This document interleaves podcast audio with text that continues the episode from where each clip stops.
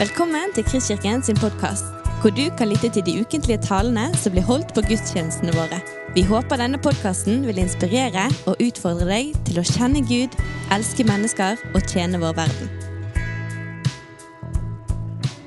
Kjære Jesus Kristus, jeg takker deg for at det ordet som du ga til menighetene i Lilleasia for 2000 år siden, det er aktuelt for oss i dag. Ditt ord er sannhet, og ditt ord er hellig. Må du la det virke i våre hjerter. Amen. Vi leser en tekst fra åpenbaringsbokens kapittel 2 til en av de sju menighetene som Johannes fikk eh, ordre om å skrive et brev til. Skriv til engelen for menigheten i Smyrna. Dette sier den første og den siste, han som var død og er blitt levende. Jeg vet om de trengslene du må lide, og hvor fattig du er, men du er rik. Jeg vet også at du blir spottet av dem som kaller seg jøder, men ikke er det, for de er Satans synagoge. Vær ikke redd for det du skal lide. Djevelen skal kaste noen av dere i fengsel for at dere skal bli satt på prøve, og i ti dager skal dere lide trengsel. Vær tro til døden, så skal jeg gi deg livets seierskrans. Den som har ører, hør hva Ånden sier til menighetene. Den som seirer, skal ikke rammes av den annen død. Smyrna var en av de syv byene der menigheter fikk et brev fra Jesus Kristus, ført i pennen av apostelen Johannes, som på den tiden satt som fange på øya Patmos. Han hadde bodd i Lilleasia og hadde god kjennskap til disse menighetene. Jeg var som biskop og apostel for menighetene og hadde dem helt sikkert på sitt hjerte i bønn. Og På det kartet som jeg har foran meg, så ser vi konsentrasjonen av de syv byene og de syv menighetene som det skal sendes et brev til. Og Vi har hørt i menigheten her om det første brevet som ble sendt til menigheten i Efesos. Der er det positivt, og der er det negativt å si. Og Det samme gjelder flere av de andre menighetene. Det er noe positivt, og det er noe negativt. Og To av de menighetene kan betegnes som røde. Og den ene, ene av dem, Sardes, så heter, de, det heter det at du er død. Og den andre, Ladokea, heter det du er lunken. Mens menigheten i Smyrna og i Philadelphia de får bare positiv omtale. Men det underlige er at i, i Smyrna så sier de om seg sjøl at de er fattige. Og i Philadelphia så sier de også at de er svake. Men Gud sier til menigheten i Smyrna du er rik. Og til menigheten i Philadelphia du er sterk. Hele åpenbaringsboken er skrevet til menighetene i Efesos, Smyrna, Philadelphia osv. Det står nevnt flere ganger i det første kapitlet. Skriv til de sju menighetene. Og det er en bok om kamp og om seier. De siste kapitlene i åpenbaringsboken handler kun om seier, om gjenopprettelse. Så er åpenbaringsboken også skrevet til hele Kirken til alle tider. For det står innledningsvis 'Salig er den som leser og hører'. Og det er det vi gjør, og det er det Kirken har gjort gjennom 2000 år. Har lest fra denne boken, hørt fra denne boken. Og Johannes han eh, sier også 'Jeg vitner for enhver som hører ordene i denne profetiske boken'. Så det kan vi ta til oss. Og så er det en annen ting ved Johannes' åpenbaring, og det er at Jesus sier 'tiden er nær'. Ja, jeg kommer snart. Så han ber oss om å være våkne, om å løfte blikket, være klare på at han kommer snart igjen. Og for den som er klar til å ta imot han, så lyder det ordet 'den som seirer'. Og det står, det står fortalt til hver eneste av disse menighetene. Enten det er mange ting å påpeke som ikke er i orden, eller det er som i Philadelphia og Smyrna, at Gud ser i nåde til menighetene og har ikke noe negativt å sette fingeren på. Men for de menighetene som har noe negativt, så heter det også 'venn om'.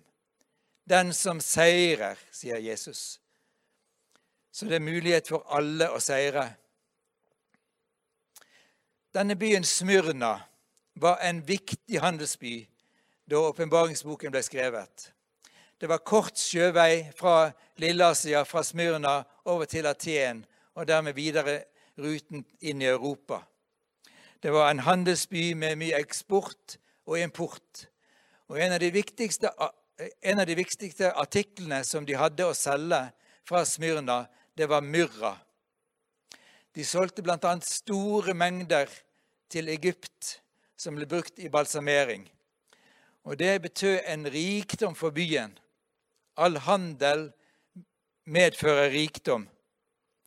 Men de kristne i Smyrna de fikk ikke være med på denne rikdomsfesten. De ble holdt utenom. Og En av grunnene til det, det var at de som skulle drive med handel, kjøpe og selge, de som skulle være på markedet, de måtte også ofre til keiseren.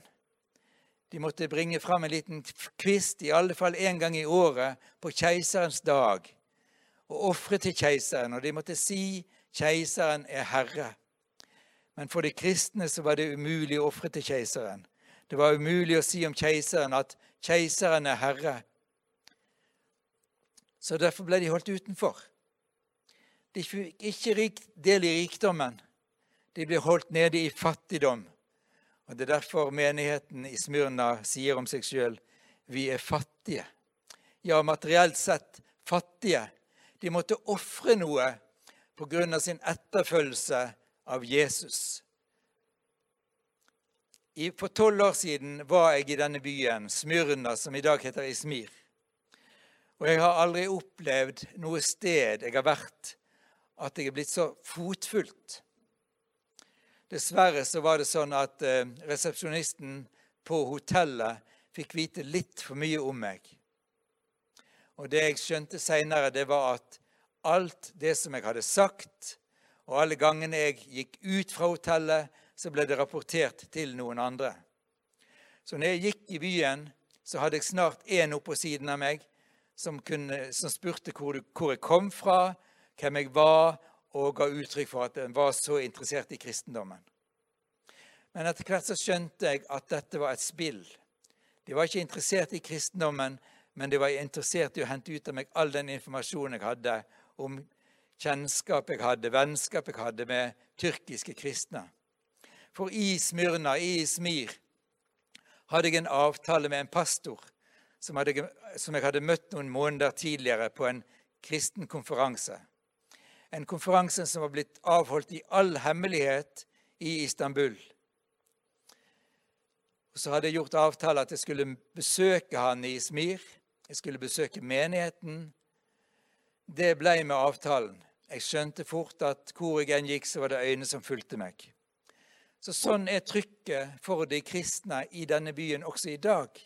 Nå er det ikke Romerriket og den romerske keiseren og ofringen til han som er utfordringen, men nå er det den tyrkiske nasjonalismen og islam som er utfordringen. Brevets innledning lyder sånn.: Dette sier den første og den siste, han som var død og er blitt levende. Den første og den siste, det vitner om Han som er allmektig.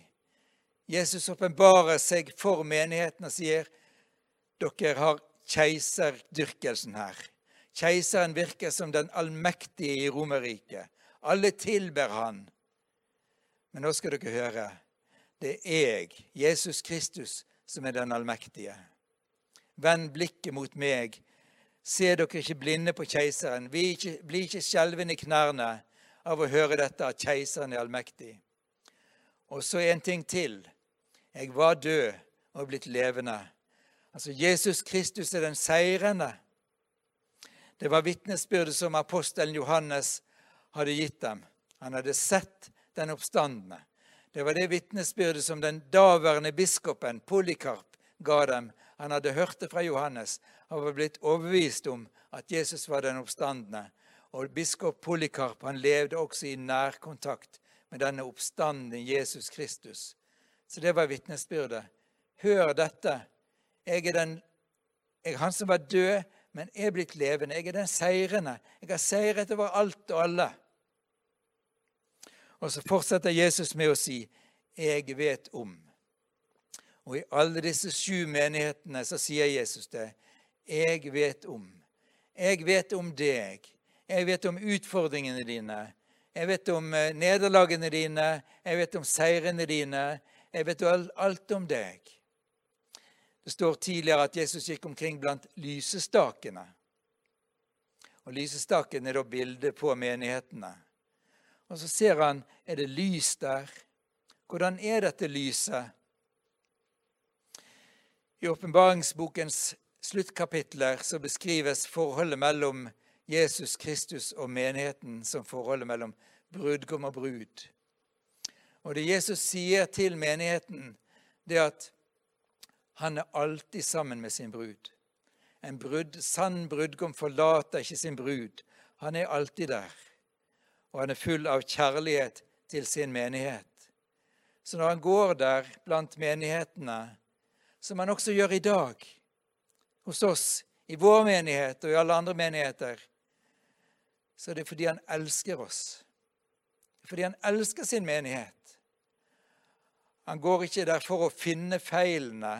Han går ikke der for å kritisere, men han er der fordi han elsker oss.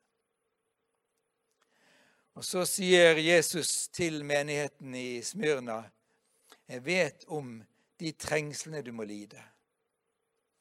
Det greske ordet for trengsler det kunne vi oversatt med tortur. Det som skjedde i Romerriket, og også i Smyrna, som de er vel kjent med, det var at hvis noen hadde gjort opprør mot keiseren, ikke ville tilbe keiseren som herre og som Gud, så ble, lagt, så ble de lagt i bakken, og så ble det lagt det ene laget av lodd på det andre oppå brystet. Og til slutt så brøt personen sammen hvis han ikke vendte seg og sa jo, keiseren er herre. Hvis han holdt fast på at 'jeg tror ikke på keiseren som herre', 'jeg vil ikke tilbe han', så ble han langsomt knekt. Og Det var situasjonen for de kristne. De bekjente troen på Jesus Kristus som herre. Og Den første konsekvensen er, som vi har hørt, det var fattigdom. De ble diskriminert. De ble utestengt fra markedet. Den andre konsekvensen det, ble, det var at de ble spottet. På gresk å spotte, blasfemia. Og det skjedde fra en religiøs forsamling. Her står det at det var fra Satans synagoge, en forsamling. I vår tid vet vi om at det er andre, mange andre religiøse som spotter og forfølger kristne. Og den samme situasjonen som de opplevde de første, den rammer mange kristne i vår tid. 260 millioner kristne er under denne type forfølgelse, med fattigdom, med spott. Og den siste formen for dette tunge loddet som legges oppå de som tilhører Jesus Kristus, fengsel og martyrium. Vær ikke redd for det du skal lide, sier, skriver Johannes. Djevelen skal kaste noen av dere i fengsel. Fengsel og martyrium. Og så står det at det er djevelen som gjør det. Det er djevelen som gjør det. Og det kan se ut som om også i Smyrna kan det se ut som om djevelen har en sånn makt. Det er en realitet at den er en virksomhet. Men Jesus har minnet menigheten på at djevelen er beseiret. Menigheten må minnes på Jesu kors og Jesu oppstandelse, der djevelen ble beseiret. Men så bruker også djevelen forførte mennesker i sin gjerning. Og Her er det både keiseren og de som tilber keiseren, guvernøren på stedet, og disse som tilhører denne såkalte Satans synagoge. Ja, de kjente seg fattig, men nei, sier Jesus, du er rik. Hvordan kan han si det at de er rik? De har en rikdom som et vanlig øye ikke kan se, som de ikke opplever i det naturlige, i det hverdagslige, men en rikdom som overgår alt sammen. Og det er jo noe av det som Johannes på Patmos, inne i den mørke gruvegangen, får oppleve. Han ser Jesus Kristus i hans himmel. Han ser Jesus Kristus i hans herlighet. Han hører fra himmelen bruset av lovsangen som stiger opp til Jesus. Og så til slutt så får han se den nye himmelen, den nye jord. Du er rik. Du har en fantastisk rikdom. Om du ikke opplever den akkurat nå, så vent til den blir åpenbart for deg.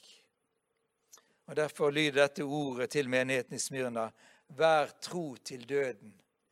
Så skal jeg gi deg livets seierskrans. Seierskrans heter på gresk Stefanos, altså Stefanus. Den første kristne martyren. Han som er blitt det store forbildet fordi han blir, idet han blir steinet i Jerusalem.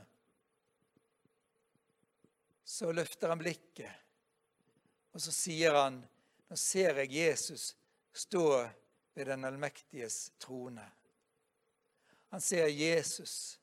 Det er ingenting annet enn opplevelsen av Jesus, av synet av Jesus, som kan holde disse som kan hjelpe disse til å holde fram, til å holde ut under det trykket de opplever. Det er kjennskapet til Jesus. Det er ikke egen vilje og egen kraft, men det er opplevelsen av denne Jesus som ikke er død, men som har seiret, som er den oppstandende. Finnes det Smyrna i dag? Det finnes eksempler på Smyrna over hele verden. Jeg vet ikke om du har hørt om kristne i India. Det kan være en, eh, kanskje en liten kristen menighet, der folkene består av de som har kommet ut av lavkastet, eller tilhører lavkastet, og de kasteløse i dette hinduistiske landet. Omgivelsene er fiendtlige. Det er en form for Satans synagoge der også. Og majoriteten av hinduer, radikale hinduer, sier til de kristne, nye kristne, som i mange tilfeller er analfabeter, som ikke vet så mye, men som har fått et møte med Jesus, så sier de radikale hindufundamentalistene hvis ikke dere vender tilbake til hinduismen, så får dere ikke bruke vannkilden her. Så får dere ikke, dere ikke komme på markedene her. Dere får ikke selge og kjøpe. Det er et enormt trykk. Det er det ene laget etter det andre av tunge lodd som legges på deres bryst for at de skal tvinges tilbake igjen i den hinduistiske folden. De blir fattige. De blir utstøtt, marginalisert, forfulgt. Likevel De ikke bare holder fast på troen på Jesus, men de vitner om Jesus, og de ser, fordi deres vitnesbyrd er så sterkt midt i trengslene, så får de se andre komme til tro på Jesus. Har du hørt om de fattige og diskriminerte kristne i Pakistan? Det skal så lite til før de blir anklaget for blasfemi. Og moskélederen kan rope ut en fatwa mot de kristne. Og så kan en hel kristen koloni oppleve å bli angrepet av mobben og måtte flykte. Mange blir drept. Alle blir forfulgt. Mange på flukt. Kan du se for deg en knust kirke og et knust Jesusfolk i Den sentralafrikanske republikk? Jeg var der for noen år siden. Jeg har sjelden eller aldri sett et folk i sånn nød så reiste vi langt av gårde fra hovedstaden mot grensen til Kamerun. Der kom vi fram til en landsby, en knust kirke. De brune mursteinene som det var bygd opp av, de lå strødd utover. Radikale islamister hadde vært der og knust alt sammen. Og De hadde ikke bare ødelagt kirkebygget, men de hadde drept menn. De hadde voldtatt kvinner. Det var et traumatisert folk. Og disse kristne hadde ikke våget å komme tilbake igjen og holde gudstjeneste på mange uker eller måneder. Så kom vi en liten gruppe fra Europa på besøk. Og jeg var utfordret til å tale. Jeg skulle tale på engelsk. Tolken kunne fransk. Så det ble ikke det helt store. Der satt en forsamling. Kvinnene var så full av sorg i sine ansikter.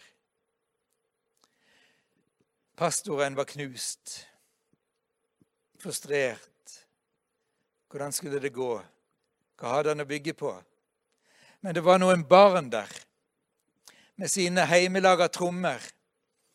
Og så skulle det synges lovsang. Midt i en sånn situasjon så skulle de synge til Jesus, han som var oppstått fra de døde, han som har all makt. Kan du tenke deg for en kontrast? Så begynte de å synge stille, de så ned. Men så var det noen av barna som begynte å spille på trommene sine. Rytmene. Det ble sterkere og sterkere. Og så etter en stund så begynte kvinnene å reise seg og synge. Og så begynte de å bevege kroppene sine. Og så begynte de den, denne fantastiske afrikanske eh, ja, lovsangen med bare melodi. Og så etter hvert så kunne du se hele forsamlingen som var i dans for Jesus Kristus. Hva hadde de opplevd? De hadde opplevd at gjennom lovsangen så fikk de på nytt se Jesus. Det var et knust folk i en knust kirke som nå reiste seg og kjente Jesus er nær. Har du lest om hva som skjer i Kina nå? De kristne i Kina er på vei tilbake nesten til kulturrevolusjonen. Da eh, mennesker utenfor Kina lurte på om det kunne være noen kristne igjen i et land der kristne opplevde så hard grad av forfølgelse. I dag er det en total overvåkning i kirkene. Det er kameraer inne og det er kameraer ute. Og alt det som pastoren sier, det kan myndighetene lytte til. Korset revet ned, og så erstattes de av det kinesiske flagget. Bilder av Jesus tas ned og erstattes av den kinesiske presidenten. De ti bud tas ned og erstattes av påbud om lojalitet til det kinesiske kommunistregimet. eldre kristne opplever at myndighetene sier hvis du fortsetter å gå til kirke, hvis du fortsetter å bekjenne troen på Jesus, så kan vi ta fra deg pensjonen din. Unge studenter, kristne studenter, opplever å høre hvis du fortsetter å gå til kirke, så tar vi fra deg studiemuligheten din. Så tar vi fra deg jobbmuligheten din. Hva skal de velge? skal de velge å gi opp sin tro for en karriere, for penger, for rikdom? Eller skal de velge fattigdom, forfølgelse for Jesu navns skyld? Og så står dette ordet der til Smyrna som et ord til dem. Vær ikke redd for det du skal lide. Vær tro til døden, så skal jeg gi deg livets seierskrans. Den som seirer. Vil du holde ut for Jesu navns skyld?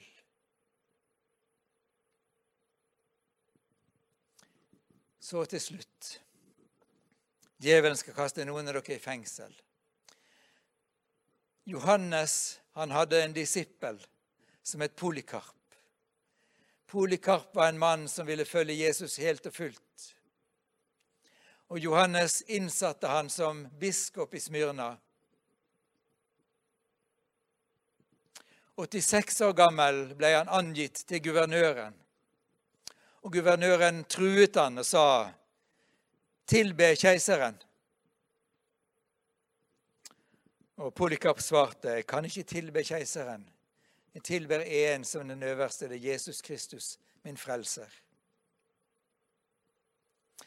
Guvernøren sa, 'Rop ut, bort med ateistene.' Ateister det var nemlig en betegnelse på de kristne, fordi de ikke tilba keiseren som gud og tilba alle de andre greske gudene. Og eh, sa 'bort med ateistene'. Han visste det kunne bety også martyrum for flere av de kristne.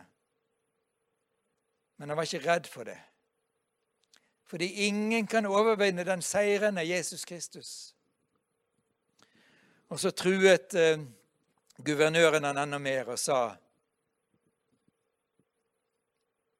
Du skal brennes. Og flammene slikket rundt Polikarp. Men ved et mirakel så ble han ikke brent. Og da bød guvernøren en av soldatene å stikke et spyd gjennom han. Og blodet strømmet ut fra Polikarp.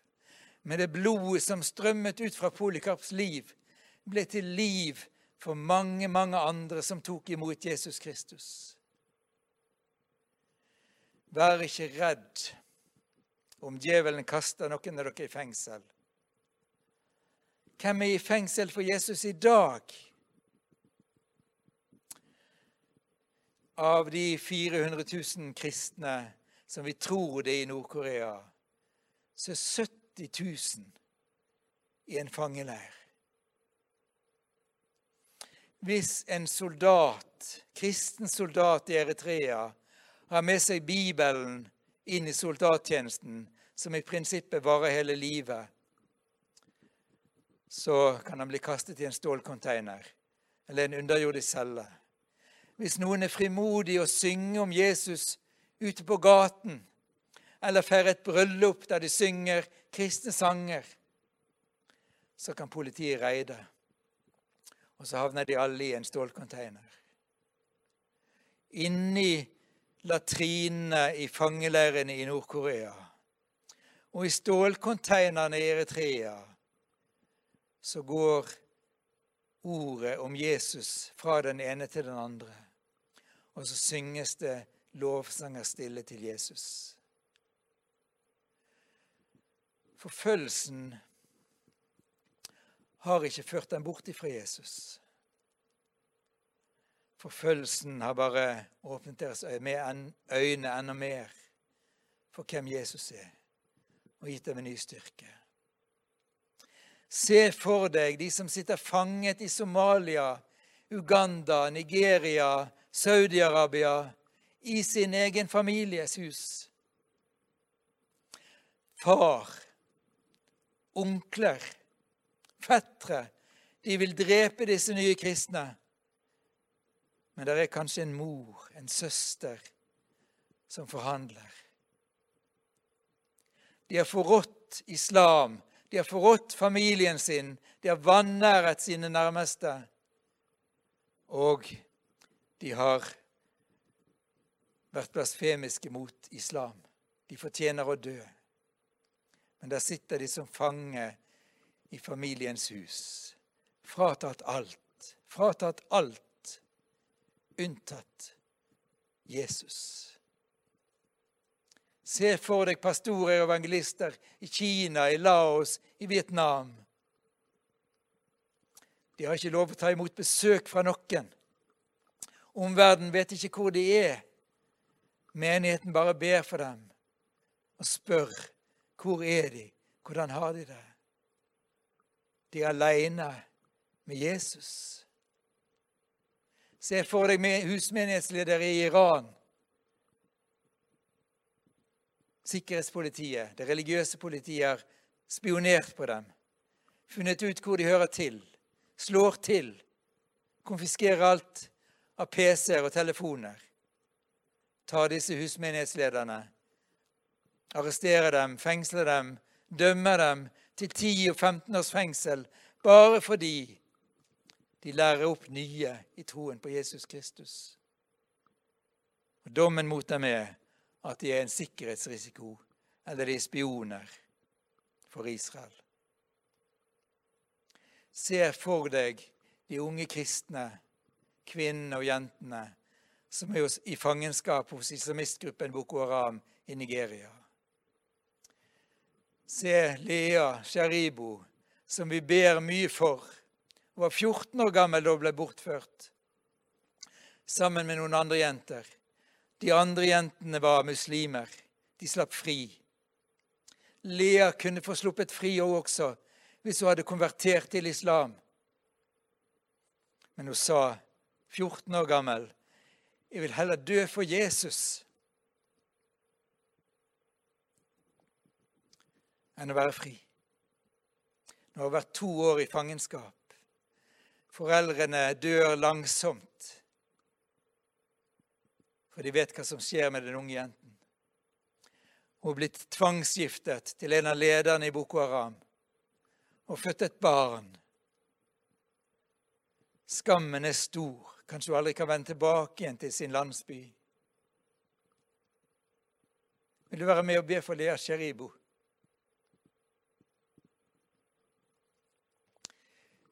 Se for deg alle de bortførte kristne jentene i Pakistan og Egypt. I Pakistan kanskje 700 bortføringer av kristne jenter i året. I Egypt omtrent det samme. Foreldre som fortviler. Det er unge jenter som blir tvangskonvertert til islam. Voldtatt, tvangsgiftet. Kanskje blir fanger for livet som hustru nummer to eller tre.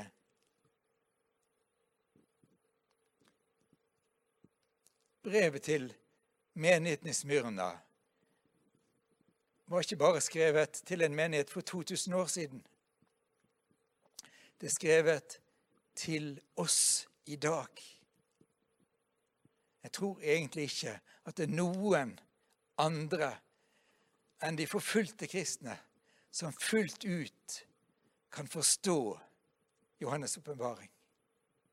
Men de kan. Det er en fantastisk trøstebok. Det er ikke en bok å spekulere over. Det er ikke en bok for teori, men det er en levende bok rett inn i livet.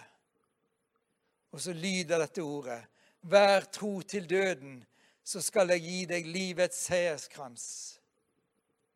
Den som seirer, skal ikke rammes av den annen død. Herre Jesus Kristus, vi har nevnt mange, vi har snakket om mange. Og nå vil vi bare lenge de framfor deg, Herre. Og vi ber deg om at vi skal være trofaste i bønn for våre søsken som opplever det som menigheten i Smyrna opplevde. Ja, kanskje enda verre ting i dag. I Jesu navn. Amen. Du har lyttet til en podkast fra Kristkirken i Bergen. Vi håper du har blitt inspirert og utfordret i din vandring med Gud. Vil du vite mer om oss, så klikk deg inn på kristkirken.no.